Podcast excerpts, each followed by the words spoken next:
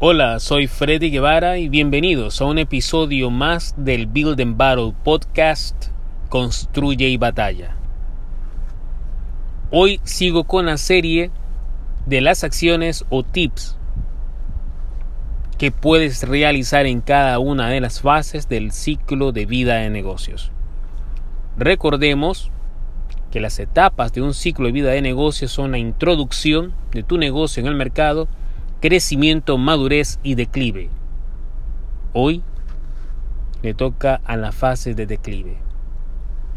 Esta fase está caracterizada porque están tus ventas disminuyendo, tus costos están constantes y tu margen de ganancias están disminuyendo también. Si tú estás en esas condiciones, entonces tú estás en la fase de declive en tu negocio. Aquí los gerentes, los líderes tienen dos opciones primariamente. La primera, renacer y la segunda, morir. Empecemos con la opción de renacer. Esto significa que tú vas a darle vuelta a tu situación actual del negocio. Está en declive, pero tú vas a vigorizar, vas a inyectarle energía a tu negocio para que tenga un próximo periodo de crecimiento. ¿Y cómo tú logras esto? Tú lo logras desarrollando nuevos productos y nuevos servicios que estén relacionados con tu experiencia y tus capacidades actuales. Esa es la forma que lo logras.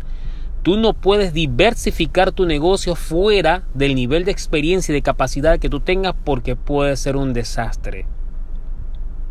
Entonces, tu enfoque debería ser encontrar ese tipo de productos o ese tipo de servicios que complemente tu experiencia, que complementen las capacidades actuales de tu negocio. ¿Para qué? Para que ese crecimiento sea innovador y sea sustentable. Entonces, esa es la forma en la que tú renaces nuevamente tu negocio y le abres campo para que tenga un nuevo periodo de crecimiento.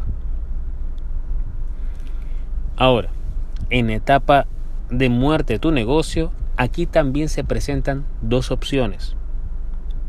Por supuesto, si tú no, ya no tienes la energía o no tienes el equipo gerencial o de líderes que puedan llevar a tu negocio desde declive a un nuevo periodo de crecimiento, tus opciones son o vender tu negocio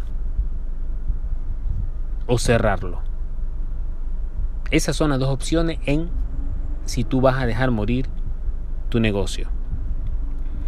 Pero aquí surge algo, si tú vas a vender tu negocio, tú tienes lo más importante en este aspecto, en esta, en, en esta estrategia de vender tu negocio, requiere una valuación real de tu negocio.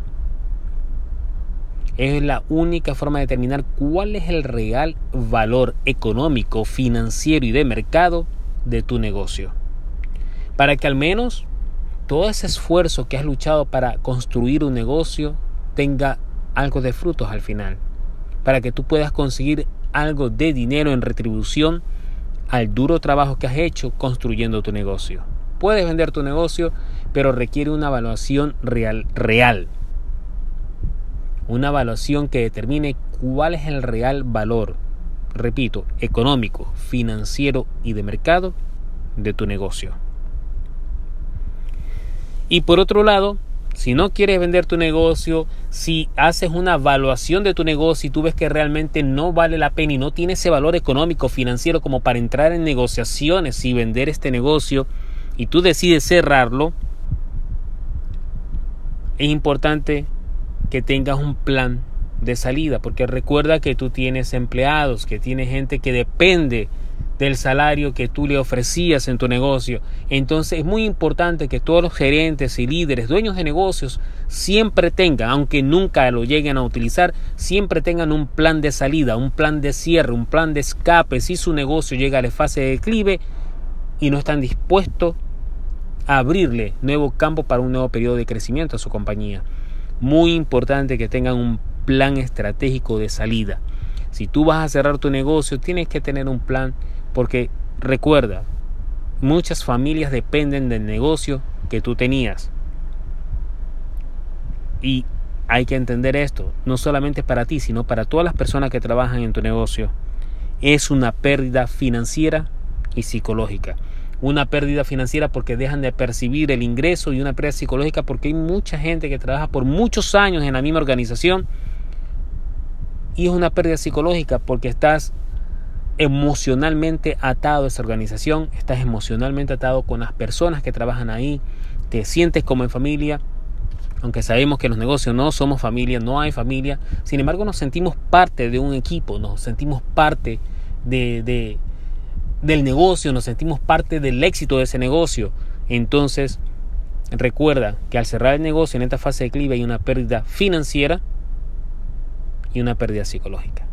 Por eso es muy importante que haya un plan estratégico de salida que cubra esas pérdidas de alguna forma. Entonces, eso es amigos, estas son las acciones que tú tienes que tomar o las opciones entre las que puedes elegir si tú te encuentras en la fase de declive de tu negocio. Espero que estas sugerencias puedan servirte de algo, puedan ayudarte a ser un mejor gerente, un mejor líder hasta el último momento que tu negocio esté en acción en el mercado. Mientras tanto, les deseo el éxito que se merecen. Construye y batalla. Hasta la próxima.